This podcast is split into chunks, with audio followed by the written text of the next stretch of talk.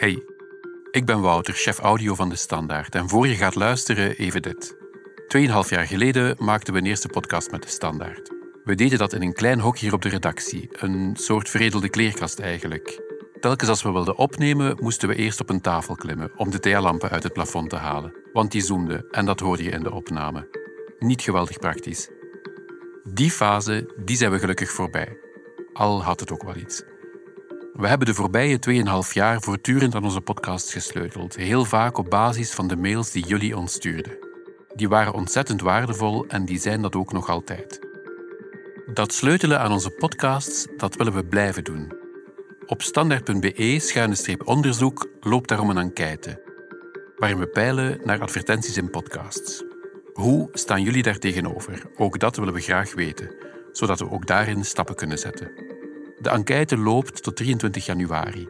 Dus surf even naar standaard.be-onderzoek, vul de enquête in en misschien win je draadloze oortjes. Heel erg bedankt alvast, ook voor het luisteren en voor het mailen. Blijf dat doen, want jullie feedback helpt ons echt.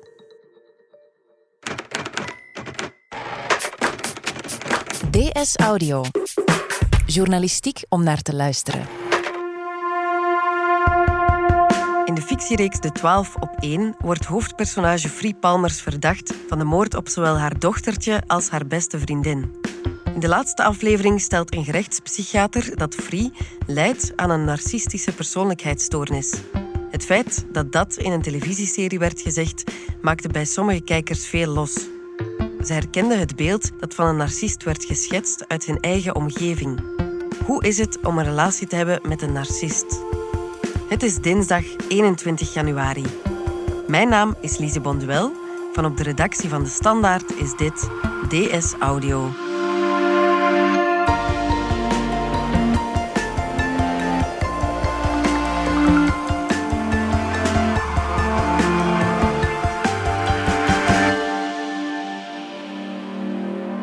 Sarah van Kerschaver, binnenlandredactrice. Je hebt een artikel geschreven dat nogal veel heeft losgemaakt. Vertel eens. Begin januari schreef ik in de krant een artikel over narcisme. Uh, dat was naar aanleiding van de televisiereeks De 12 op 1. En online merkte dat dat stuk ontzettend vaak gedeeld werd. Plots kreeg ik ook in mijn mailbox verschillende mails van lezers. Vooral vrouwen die heel blij waren dat dat stuk eindelijk werd geschreven. Dat ze erkend werden, gehoord werden ook. Um, ja, ze, ze herkennen er vooral heel veel in. Dus de, de, in het artikel kwam een vrouw aan bod, Joke. En zij vertelde hoe zij in een narcistische relatie was terechtgekomen. Ze had een kind met die man. Um, en hoe dat haar leven totaal heeft veranderd. En die herkenning, ja, dat was voor heel veel mensen blijkbaar uh, herkenbaar. En, en vooral ook troostend. En... Uh, een soort hart onder de riem, dat het misschien wel meer aandacht zou kunnen krijgen en daardoor ook wel ja, beter gekend in de, in de samenleving. Mm Dus de twaalf maakte veel los, maar ook jouw artikel, er kwam veel reactie, hè? Ja, ik denk dat ik in totaal aan 15 mails zat. Je moet weten, mensen reageren niet zo gemakkelijk, maar echt om te zeggen, dit artikel was zo nodig, dan is 15 wel veel. Ja. En op een bepaald moment ging ook uh, de telefoon over. En dat was een vrouw en zij begon meteen met de zin: er, er moet meer gebeuren, je moet meer doen. En ze begon te huilen. En ik denk als je zou willen weten hoe wanhoop klinkt, dan, dan was dat wanhoop. Ik had het nog nooit van zo diep gehoord. En ze heeft heel verhaal ook gedaan. En ook zij vond dat er moet meer gebeuren, er moet nog een artikel komen. Rechters moeten dit weten, sociaal werkers moeten dit weten, mensen die beslissen over andermans leven. Zij moeten weten wat narcisme is, hoe dat je het kunt herkennen. Je artikel leidde dus tot mails en een telefoon. En dan was er ook nog een reactie van een andere vrouw die ook haar verhaal wou doen. Maar omdat ze anoniem wilde blijven, noemen we haar Ilse. En uh, we hebben haar getuigenis laten inlezen door een stemactrice. Ik herinner mij een avond waarop ik iets was gaan drinken met vriendinnen. Het was gezellig geweest en we hadden over van alles gepraat. Ook over seks.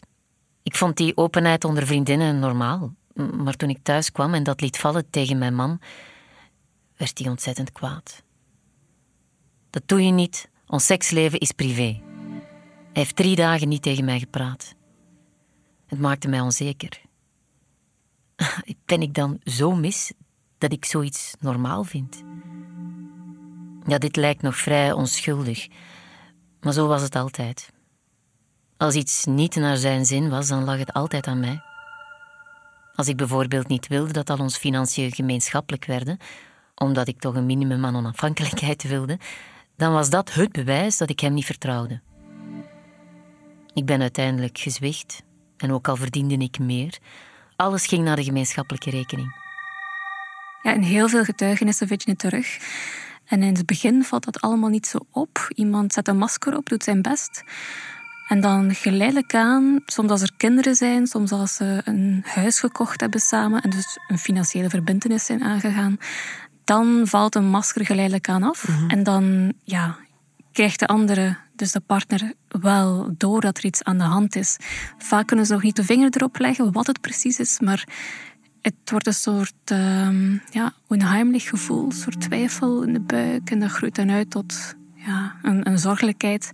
Tot uiteindelijk dat ene moment waarop ze doorhebben en dat de puzzelstukken in elkaar vallen. Ja, dit is, dit is mijn partner, dit mhm. is narcisme. Mhm. Mijn ex-man is vooral veranderd nadat we kinderen kregen. En in het begin dan denk je, dat is normaal. Alle jonge ouders hebben het moeilijk. Maar als het niet betert, dan begin je te zoeken. Mijn ex-man zei dat ik niet duidelijk communiceerde. En dus werkte ik aan mijn communicatie. Als ik volgens hem iets fout had gedaan, paste ik mijn gedrag en zelfs sociaal leven aan. Nou, en zo brak hij mij jarenlang beetje bij beetje af. Ja, ook dit is iets wat ik van anderen heb gehoord en gelezen. Dat, de, ja, dat mensen hun gedrag aanpassen. Dus ze krijgen een relatie lang, vaak jarenlang, een huwelijk lang, te horen dat het aan hen ligt. Mhm. Dat ja, zij niet goed zijn in communicatie. Dat, ja, dat ze niet zo jaloers moeten zijn of achterdochtig. Mm Waardoor je het gevoel hebt, oh, ik doe hier iets fout. Ik moet, uh, ik, moet iets, ja, ik moet dat in de toekomst anders doen of niet meer doen. En geleidelijk aan ja, wordt wordt in wat ze doen en in wie ze zijn, wordt dat afgebroken. En ja, je hoort dan toch wel mensen heel, ja, heel vaak zeggen: ja, ik wist niet meer wie ik was. Ja, uit Ilse's verhaal blijkt wel hoezeer zij zelf te lijden heeft onder het narcisme van haar ex-man. Ja, klopt. Zij heeft zelf psychologische hulp gezocht. En daar uh, ja, zijn de schellen van haar ogen gevallen. Ons huwelijk werd al maar slechter. Dat gevoel van wanhoop, van geen uitweg meer zien, dat, dat ging diep bij mij. Uiteindelijk kon ik niet meer.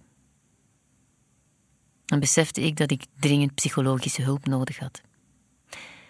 Ik heb mij toen vrijwillig enkele weken laten opnemen in de psychiatrie. Ik wist niet meer wie ik was. De psycholoog vroeg mij waar ik gelukkig van werd en wat mij energie gaf. Maar ik kon daar niet op antwoorden. De diagnose luidde depressie omwille van relatiecrisis. En het is daar dat de psycholoog mij op wees dat mijn man waarschijnlijk een narcistische persoonlijkheidsstoornis had. Het feit dat alles om hem draaide, dat het altijd mijn fout was. Dat mijn wil geen plaats leek te hebben in onze relatie. Die paar weken hebben mijn ogen geopend en mij ervan overtuigd dat ik mijn grenzen beter moest aangeven. Ja, Sarah, hoe weet je of je samen bent met een narcist of dat je misschien wel zelf een narcist bent? Wel, ik heb gesproken met de Nederlandse psycholoog Martin Appelo. Mhm. Hij is een zelfverklaard narcist, dus ja, heeft de twee kanten in zijn leven. Is het zelf en ziet ook in zijn praktijk heel veel mensen die worstelen met de narcistische persoonlijkheidsstoornis. Hij heeft er ook boeken over geschreven. Uh, ja, hij noemt het zelf zijn goudmijntje. Hij is daar redelijk uh, open over. Nou, ik dacht, daar zit wel een uh, goudmijntje in. Ik dacht, nou, als ik dat nou, nou gewoon van mijn handicap mijn hobby maak, dan kan vast een heleboel mensen daarmee een plezier doen. Er zijn een aantal algemene kenmerken die vaak toch wel terugkeren bij mensen met problematisch narcisme. Dat is een gebrek aan empathie, gebrek ook aan berouw, schuldbesef. Mhm. Ehm, ja, niet altijd even goed in emoties. Een zucht naar aandacht, zucht naar applaus, macht ook. Uh, ze zijn vaak jaloers, doen heel vaak gespeeld charmant, zijn dus echt de beste versie van zichzelf bij anderen. Maar tegelijk um, ja, zijn het ook heel onzekere mensen, mensen met een minderwaardigheidscomplex. En die toch heel vaak neerkijken op anderen. Dus het is heel ambigu. Ja. Dat, zijn, dat geeft Apple ook wel aan, ja, uiterlijke kenmerken. Er zit ook wel een heel diepe psychologie onder. Dus het zijn kenmerken waaraan je iemand kunt herkennen met narcisme. Maar je moet ook wel verder vragen. Je moet ook wel weten wat is iemands levensverhaal. Ja, als je die lijst met uh, kenmerken hoort, dan denk ik dat iedereen wel een paar mensen in zijn omgeving kan aanwijzen die daaraan voldoen. Zijn er dan zoveel narcisten? Um, voor zo'n persoonlijkheidsstoornis geldt dat 1% van de bevolking die heeft. Mm En 10% heeft een aantal kenmerken. Ja, op zich is dat natuurlijk niet weinig. Nee. Um, maar er is wel een verschil natuurlijk tussen... Heb je een van die kenmerken of een paar van die kenmerken en heb je de stoornis. Ja. Um, bij iemand met een stoornis is het zo dat die, ja, dat, dat narcisme voortkomt uit angst en onzekerheid. Eventueel ook ja, die problematische opvoeding met onveiligheid. Um, en ja, heb je die kenmerken, dan is dat meer een persoonlijkheidstrek. Ja, en dan heb je ook nog de psychopathie. Dat is dan nog eens het overtreffende trap. Ja, dan zit je meer in het register, wil ik de ander bewust pijn doen. Dat mhm. is bij iemand met narcisme niet per se zo. Die, ja, die handelt vanuit een patroon dat is ingesleten. En dus vanuit die angst en onzekerheid. Ja. Het meest opvallende gedrag aan een narcist is, is een gebrek aan wederkerigheid, zoals we dat noemen. Zeg maar het, het vullen van de vrije ruimte met jezelf. Een gebrek aan wederkerigheid, wat bedoelt hij daar precies mee? Ja, hij bedoelt dat je dan niet in staat bent om je gevoelens um, met anderen te delen en om de gevoelens van anderen toe te laten. Bijvoorbeeld, ehm, stel nu, ik zeg tegen jou, ik zie jou graag. Mhm. En ik vind het belangrijk dat als wij een liefdesrelatie hebben, dat jij open bent tegen mij. Dus dat je je geheimen kunt vertellen, maar ook je angsten en alles waar je mee worstelt.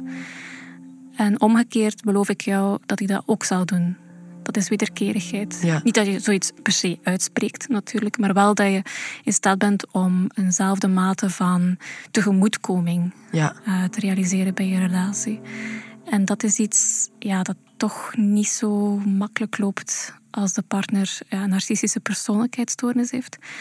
Omdat uh, ja, die vindt zichzelf het belangrijkste. Is eigenlijk vaak niet geïnteresseerd in wat de ander voelt of mee worstelt. Zal ook ja, niet per se de behoefte voelen om heel veel te delen. En de ander heeft daardoor dan altijd, of toch heel vaak, het gevoel dat hij tegen een muur botst. En dat is ook wat, uh, wat Ilse aangeeft. Toen ik thuis kwam, heb ik hem verteld dat ik het nog eenmaal wilde proberen om ons huwelijk te redden. Maar al snel escaleerde het. We zijn zo terug.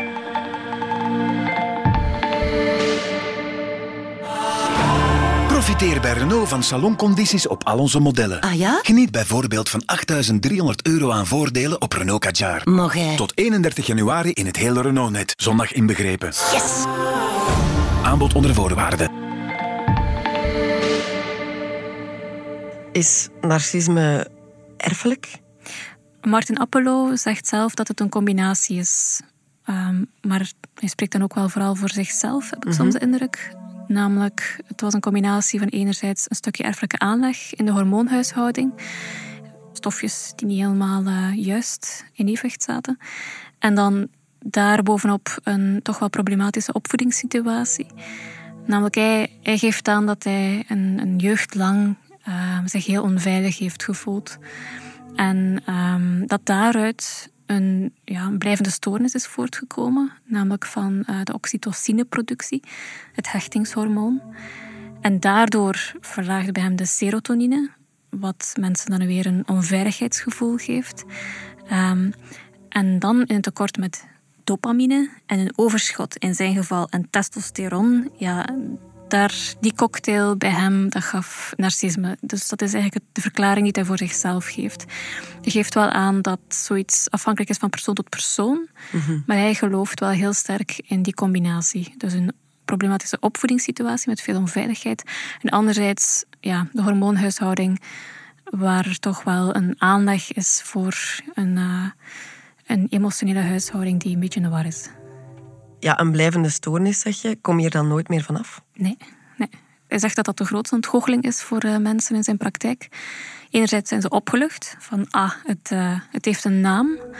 Anderzijds zijn ze ook wel verdrietig. Ja. Ze beseffen van, hier kom je nooit vanaf. Het valt niet op te lossen, ook niet met medicijnen. Dus mensen hopen dat het overgaat. Um, terwijl het gewoon zo diep in je blauwdruk van hechting en ook in je biologie zit, dat het, het kernprobleem gaat niet over. Je moet ermee leren leven. Ik had mij altijd laten vertellen dat narcisten zelf niet makkelijk naar een psycholoog stappen omdat ze het probleem niet inzien. Weet je hoe Martin Appelo dat bij zichzelf heeft gedetecteerd? Ja, uh, want dat klopt. Heel veel narcisten vinden dat het aan de ander ligt. Ja. Het ligt niet aan hen. Um, en deze uh, Martin Appelo, daar zijn verschillende momenten geweest. De aanleiding was het verwijt wat ik kreeg van, uh, van anderen. Je bent een, een, een, solist en je bent niet wederkerig en je, je bent te veel op jezelf en je houdt je te weinig rekening met anderen. Dus het was met name mijn omgeving die over mij klaagde. En in de relatie die ik toen had, was, was met een psychotherapeut die, die gewoon zei: Je bent een narcist. En toen zei ik: van nou weet je, dan ga ik er eens alles over lezen. Dan, uh, en dan zal ik er eens een boek over schrijven. Dan, dan kunnen we kijken of je gelijk hebt. En toen zei ze, ja, dat is een typisch narcistische manier om daarop te reageren, op mijn feedback. En dat is zijn eerste boek geworden. Dat is zijn zoektocht naar, ben ik nu zelf een narcist, ja of nee? Ja. Het antwoord was ja.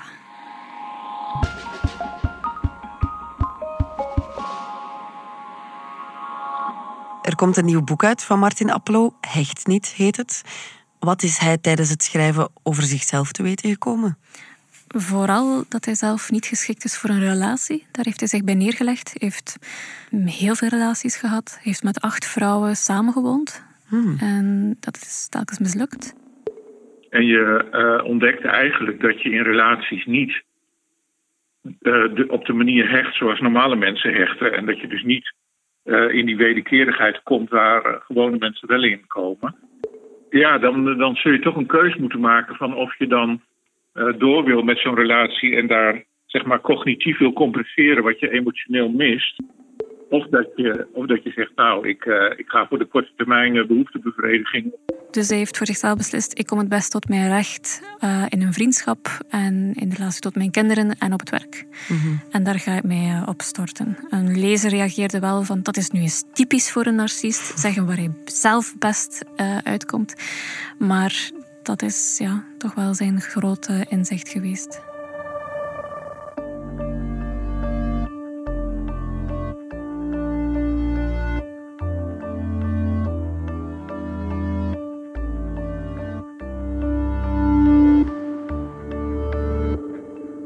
We hoorden Martin Appelo daarnet zeggen, je moet ermee leren leven.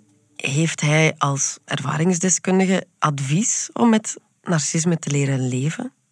Ja, um, heeft een aantal adviezen die het draaglijker maken. En dan voor de narcist zelf um, heeft hij als stelregel dat je met, de, met je ratio een aantal dingen moet vastleggen. Want je, gevoel gaat alle richtingen uit en is eigenlijk geen betrouwbare raadgever in je leven.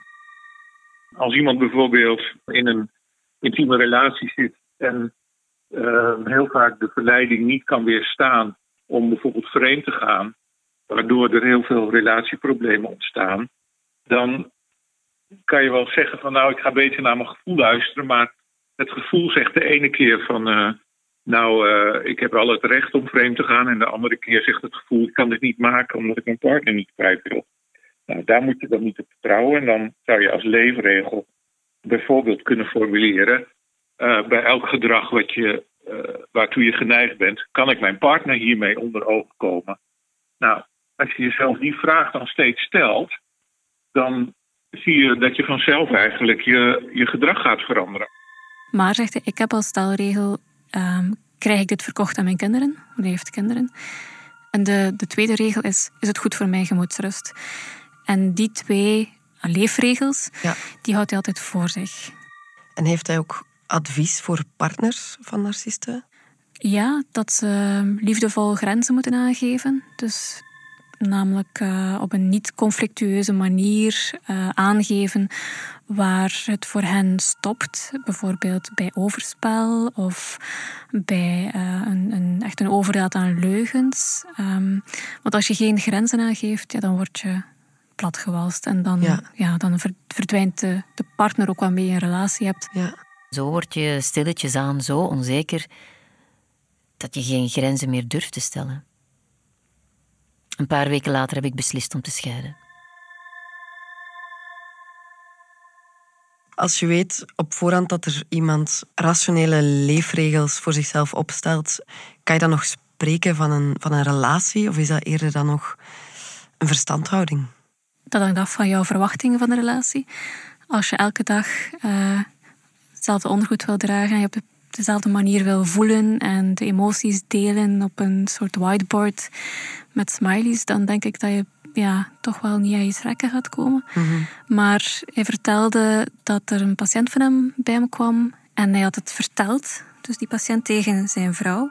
Ik had laatst een hele mooie therapie ehm, met iemand die ook aan zijn nieuwe partner had uitgelegd van joh, ik hecht me niet en ik ben een narcist en als je met me verder wil, dan zullen we daar allebei uh, rekening mee moeten houden. En toen had zijn uh, nieuwe vriendin tegen hem gezegd: Joh, weet je, je hoeft helemaal niet aan me te hechten. Als je maar gewoon bij me blijft. En dat had hem zo enorm geraakt, omdat alle andere vrouwen altijd zeiden: Ja, maar je kunt het leren en je moet beter je best doen. En je hecht wel, maar je hebt het niet door. En diep in jezelf zit het wel, maar je wil er niet naartoe. En het is allemaal dingen die hij dan als een verwijt beleefde van, uh, oh ja, ik doe het weer niet goed. Um, terwijl zij gewoon zei, nou prima, dan hecht je niet, moet je gewoon bij me blijven. nou, dat vond ik een heel mooi voorbeeld van hoe het ook kan. En hij vocht die patiënten niet per se op, zei Het is niet dat hij jaren na datum dan nog eens een mailtje stuurt om te vragen hoe gaat het. Maar hij was toch wel zeer hoopvol over ja. dat koppel. Sarah van Kerschaver, dankjewel. Graag gedaan. Dit was DS Audio. Wil je reageren? Dat kan via dsaudio.standaard.be. In deze aflevering hoorde je Sarah van Kerschaver, stemactrice Tine Laurijns, Martin Appelo en mezelf, Lise Bonduel. Ik deed ook de redactie samen met Robbe Klaas, Fien Dille en Anna Korterink. Anna deed ook de eindredactie. Brecht Plasgaard schreef de muziek die je hoorde in deze podcast. Brecht deed ook de audioproductie. Chef audio is Wouter van Driessen. Vond je deze podcast interessant? Weet dan dat je er elke werkdag één kunt beluisteren. Dat kan via de DS Nieuws app of via standaard.be-audio.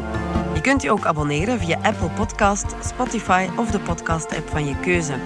En als je daar dan toch bent, schrijf gerust een review. Zo toon je ook anderen de weg. En we vertellen met de standaard natuurlijk niet enkel in onze podcasts over wat er in de wereld gebeurt. We doen dat ook in de krant en online. Benieuwd naar een abonnement? Ga dan zeker eens kijken op standaard.be-voordelig. Daar ontdek je ons aanbod en onze promoties. Morgen zijn we er opnieuw.